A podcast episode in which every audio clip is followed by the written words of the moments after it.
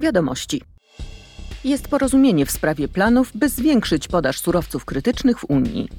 Osiągnęli je w poniedziałek europosłowie z Komisji Przemysłu Parlamentu oraz przedstawiciele hiszpańskiej prezydencji Rady.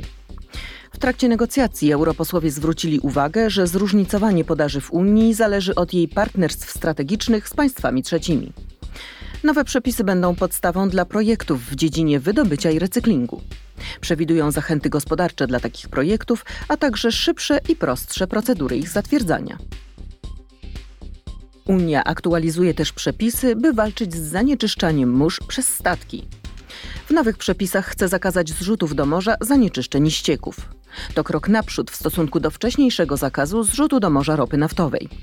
Prawodawca przewidział także surowsze kary oraz wzmożone kontrole. Jutro Komisja Transportu Parlamentu przyjmie stanowisko w tej sprawie. Także jutro Komisja Spraw Zagranicznych zagłosuje nad trzema procedurami z własnej inicjatywy. Dotyczą one stosunków ze Stanami Zjednoczonymi, Japonią i Chinami. Europosłowie omówią także sytuację dzieci pozbawionych wolności na świecie.